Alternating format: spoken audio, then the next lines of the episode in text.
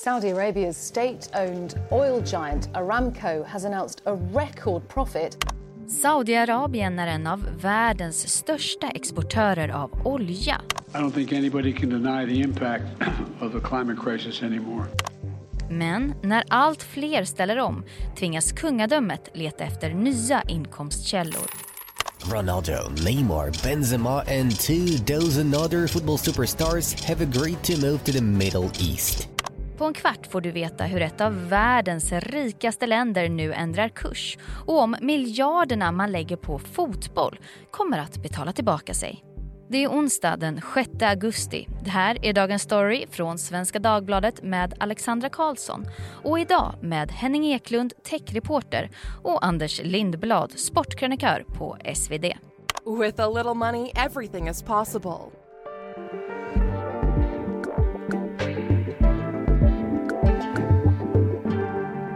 Hörni, hade ni velat åka som turister till Saudiarabien?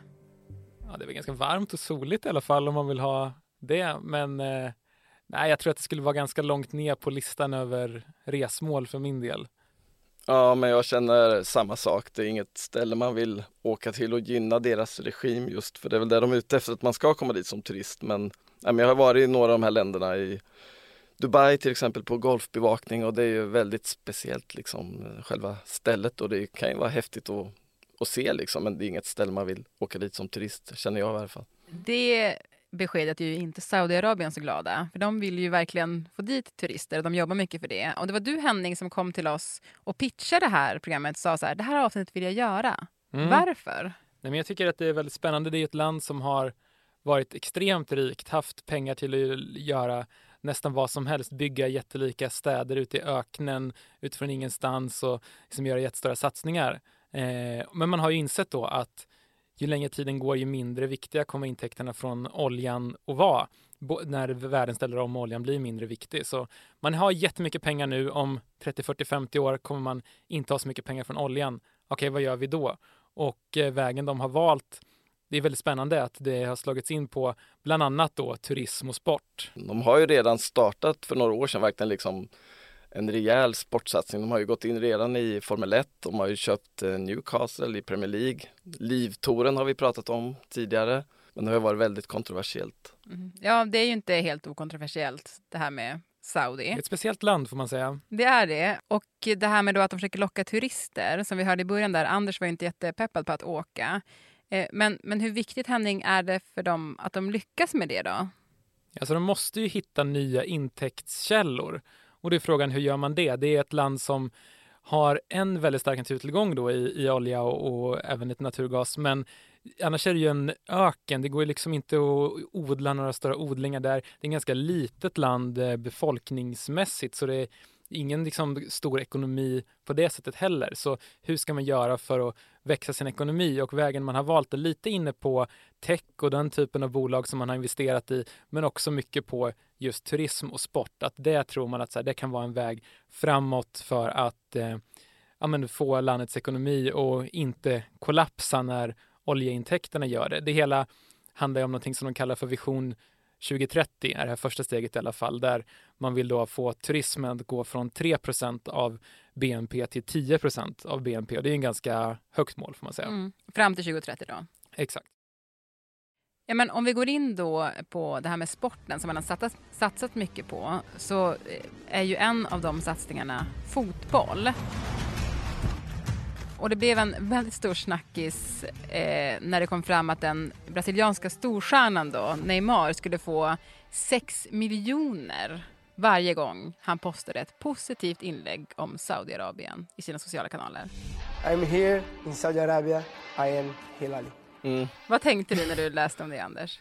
Ja, att det är ju helt galet såklart, men också inte helt oväntat med tanke på att eh, det är på det här sättet de vill liksom Saudiarabien att eh, de här sportstjärnorna ska agera. De ska bli liksom som reklampelare för landet eh, Saudiarabien.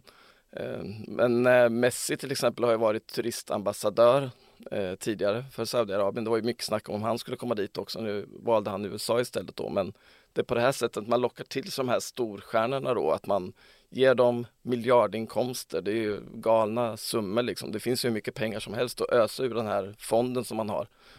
Och sen just det här posta positiva inlägg och liksom vara reklampelare för landet. Med Ronaldo som redan spelar där, Cristiano Ronaldo, så har man de två största Instagram-kontona i världen, Messi och Ronaldo, som liksom reklampelare utåt för att förändra bilden av det här landet. Saudi Arabia people, they are lovely with me and with my family, so I'm really proud. Ett smart sätt kanske att jobba på kan man ju tycka då. Sen om hur det tas emot, det är ju vi väldigt kritiska kanske och ser med kritiska ögon. He trashed his legacy by sportswashing the brutal Saudi regime. Andra delar av världen kanske inte har samma inställning till det här utan tycker att vad häftigt liksom. De flyttar till ett, eller ja, Ronaldo flyttar till en ny marknad, eh, ett nytt fotbollsland och det kanske tas emot positivt i andra delar. Mm. Men varför satsar Saudi så mycket pengar på fotboll då? Ja, därför att fotboll är världens största sport helt enkelt. Eh, en stor global marknad. Man vill liksom slå sig in. Det är ju också ett stort fotbollsintresse i Saudiarabien, ska man komma ihåg. Ganska bra liga. Saudiarabien var ju enda lag som slog Argentina också här i VM eh, för ett år, snart ett år sedan. Blev ju världens eh, största jubel liksom eh, i Saudiarabien och spelarna skulle ju få bilar och allt möjligt för, för att man slog Argentina. Sen åkte man ut i gruppspelet men ja, fotbollen är ju en global marknad, syns överallt, tv-pengarna är enorma. Eh, de här stjärnorna då, ja de är ju idoler liksom för hur många som helst runt hela världen. Fotboll syns. Får jag fråga Anders, liksom, ja. finns det något motstycke i fotbollshistorien att liksom en liga som ändå är så pass obskyr, eller var det för ett tag sedan i alla fall, värva så stora namn? Alltså, har det inte, hänt förut? Äh, inte på det här sättet. Det jag kan påminna, påminna mig om så här, det är ju liksom när eh, den amerikanska ligan försökte bli stor. Det var väl typ 70-talet när man tog dit Pelé till exempel för att få liksom ett eh, mm stort dragplåster dit. Eh, sen Kina har ju försökt för 10-15 år sedan också att eh, liksom förbättra nivån på ligan.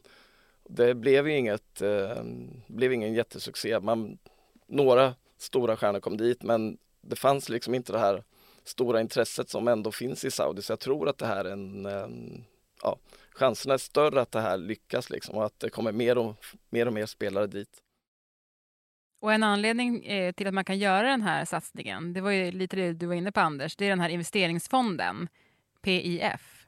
Precis, Public Investment Fund är det en förkortning för och det är där mycket av Saudiarabiens enorma oljeintäkter har hamnat och det här är ju en strikt liksom, statlig fond så det är direkt under eh, regimen eller vad man ska säga som styr över de här pengarna och ser till att försöka använda dem för att eh, ja, men uppnå den här vision 2030 och ställa om ekonomin helt enkelt. Och ganska mycket av de här pengarna har ju gått just till fotbollslagen. Så det är fyra lag i den saudiska ligan som eh, direkt ägs av den här fonden då och de har satt som mål att värva ett antal väldigt stora spelare eh, till just de här fyra lagen. Och sen har man också lite intressant liksom att det här företaget som bygger arenorna, ja, men det är också ett som är ägt av den här eh, statliga investeringsfonden och sen företagen som sponsrar de här lagen, ja, men de är också ägda av den här statliga investeringsfonden.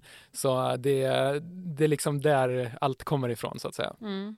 Men jag tänker så här, utmaningen eh, framåt, om vi stannar lite i fotbollsspåret Anders, det är ändå så här att de kan köpa in de här spelarna, det är stora namn, men, men ligan måste väl ändå på något sätt också bli bra. Och, och det kan ju vara så att det blir en, en, liga för typ gamla stjärnor. Hur ska de göra mm. för att locka dit folk mitt i karriären eller att man ska välja Saudiarabien? Ja, men det är det som blir eh, den stora utmaningen för dem. Eh, men jag tror att genom att ta de här stora stjärnorna då liksom öppnar man även för att andra spelare blir intresserade av att flytta dit. Det finns en spelare som heter Ruben Neves som är mitt i karriären, portugis, eh, som lämnat Wolverhampton. Han skulle kunna gå till vilken klubb som helst men han har valt Saudiarabien.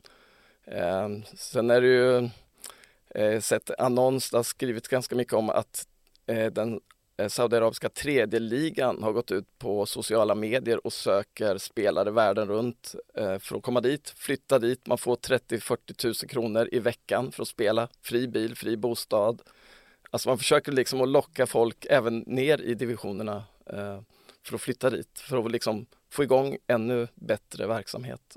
Så att jag tror att det här är bara början. De vill liksom skapa en ny världsordning rent idrottsligt de, de har ju mycket pengar nu, men, men hela den här tanken för dem är ju att det här ska generera pengar sen också, så att det här oljeberoendet inte ska vara så starkt.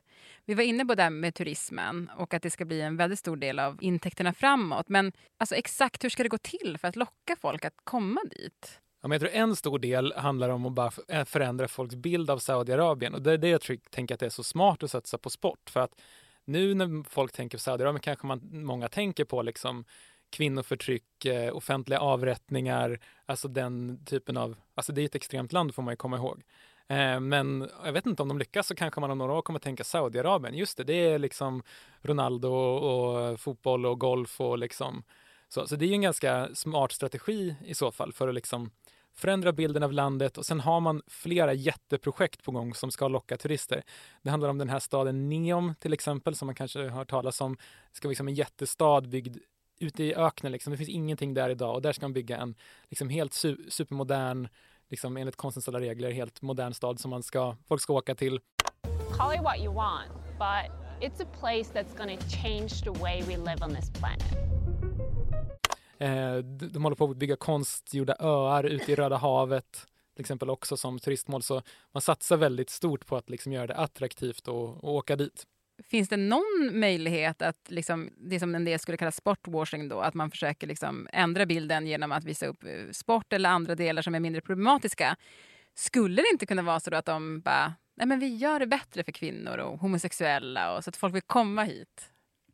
Det vet man ju inte. Det eh, skulle ju säkert kunna vara en väg framåt om man vill locka folk att komma. Jag har ju spontant lite svårt att och tro liksom att eh, man lockar massa turister genom att förbjuda alkohol eller säga att kvinnor måste täcka sig på ett visst sätt eller att eh, homosexuella par inte får visa sig. Och, alltså, så, det, de reglerna skrämmer nog bort en del turister och bara som ett liksom, exempel som man kanske förstår hur extrema regler de har. När Neymar kom dit nu så fick han alltså ett behövde söka om ett speciellt undantag för att få bo tillsammans med sin flickvän. För att en man och kvinna ska få bo tillsammans utan att vara gifta så behövs ett särskilt liksom, tillstånd. Mm. Um, så jag har ju svårt att tro att uh, om de reglerna skulle gälla även turister så skulle det nog bli lite jobbigt. Mm. Alltså, hur skulle det påverka landets ställning om oljan blir mindre viktig? Ja, men oljan har ju varit väldigt viktig för liksom hela landets och regimens liksom legitimitet. Man har haft ett nära militärt samarbete med USA till exempel för att den, ah, det är ganska komplicerat hur oljemarknaden funkar men enkelt sett så kan man säga att Saudiarabien har ganska mycket kapacitet som man kan antingen slå på eller slå av i hur mycket olja man tar upp. Så det gör att liksom, om vi reglerar hur mycket olja som finns på världsmarknaden så är Saudiarabien väldigt bra på det. Och det har varit väldigt viktigt och därför har det liksom varit viktigt för till exempel USA att ha en god relation med Saudiarabien, militära samarbeten till exempel. Så om man tappar den här makten liksom i att oljan kan styra så mycket så mm. kommer det inte vara lika viktigt för länder som USA att ha en så bra relation med Saudiarabien och det kommer ju kunna bli jobbigt för regimen på sikt för man är ju på många håll i Mellanöstern omgiven av fiender. Mm. Ja, men precis. Nu kan man, ja. man kommer inte kunna använda den eh, kranen och dra, dra upp Nej, och den kommer ner. bli mindre och mindre viktig eller mindre och mindre mäktig. Men till sist då, jag menar fotboll är en kassako, det vet vi. Turism kan vara det. Men alltså kommer Saudiarabien verkligen kunna ersätta oljan och få en ekonomi som bygger på de här sakerna? Vad tror ni? De måste göra det på något sätt för oljeintäkterna kommer att bara minska och minska. Eh, sen om man lyckas ersätta den fullt ut, det har jag svårt att tro, men eh, ja, med en Champions League-vinst så kanske. Mm. ja, nej men precis det är ju som Henning säger, det är svårt att förutspå liksom hur det kommer att bli men eh, det är klart att idrotten här spelar ju stor roll att just förändra bilden och skaffa nya intäkter. Man har ju tidigare gått ut med att man ville ha fotbolls-VM 2030 även om det nu verkar som om den ansökan har lagts på is då, men jag tror att 2034 får vi se ett fotbolls-VM i Saudiarabien. Du kan tänka vilka investeringar som kommer att göras i så fall i arenor och infrastruktur som vi såg i Qatar här för ett år sedan. Så att eh, eh och turismen, det är, vi kan se på det också lite grann. Jag tycker Eh, ganska talande just Qatar-VM. Vi pratar väldigt mycket om sportswashing inför mästerskapet men bilden internationellt var ju ganska tydlig att vilket fantastiskt VM det var och som slutade med att Messi fick lyfta VM-bucklan liksom. Då glöms det här alla gästarbetarnas situation, det glömdes bort i guldyran liksom och det är det som de här som gillar sportswashing vill just att vi ska glömma bort den bilden och det är ju hemskt men sant tycker jag. Mm. Som Zlatan sa, 10 poäng på ja, allt precis. kan ta. Ja, allt var 10 poäng. Mm. Hörni, eh, tack så jättemycket till er båda. Tack själv. Tack så mycket. Allt var 10 poäng.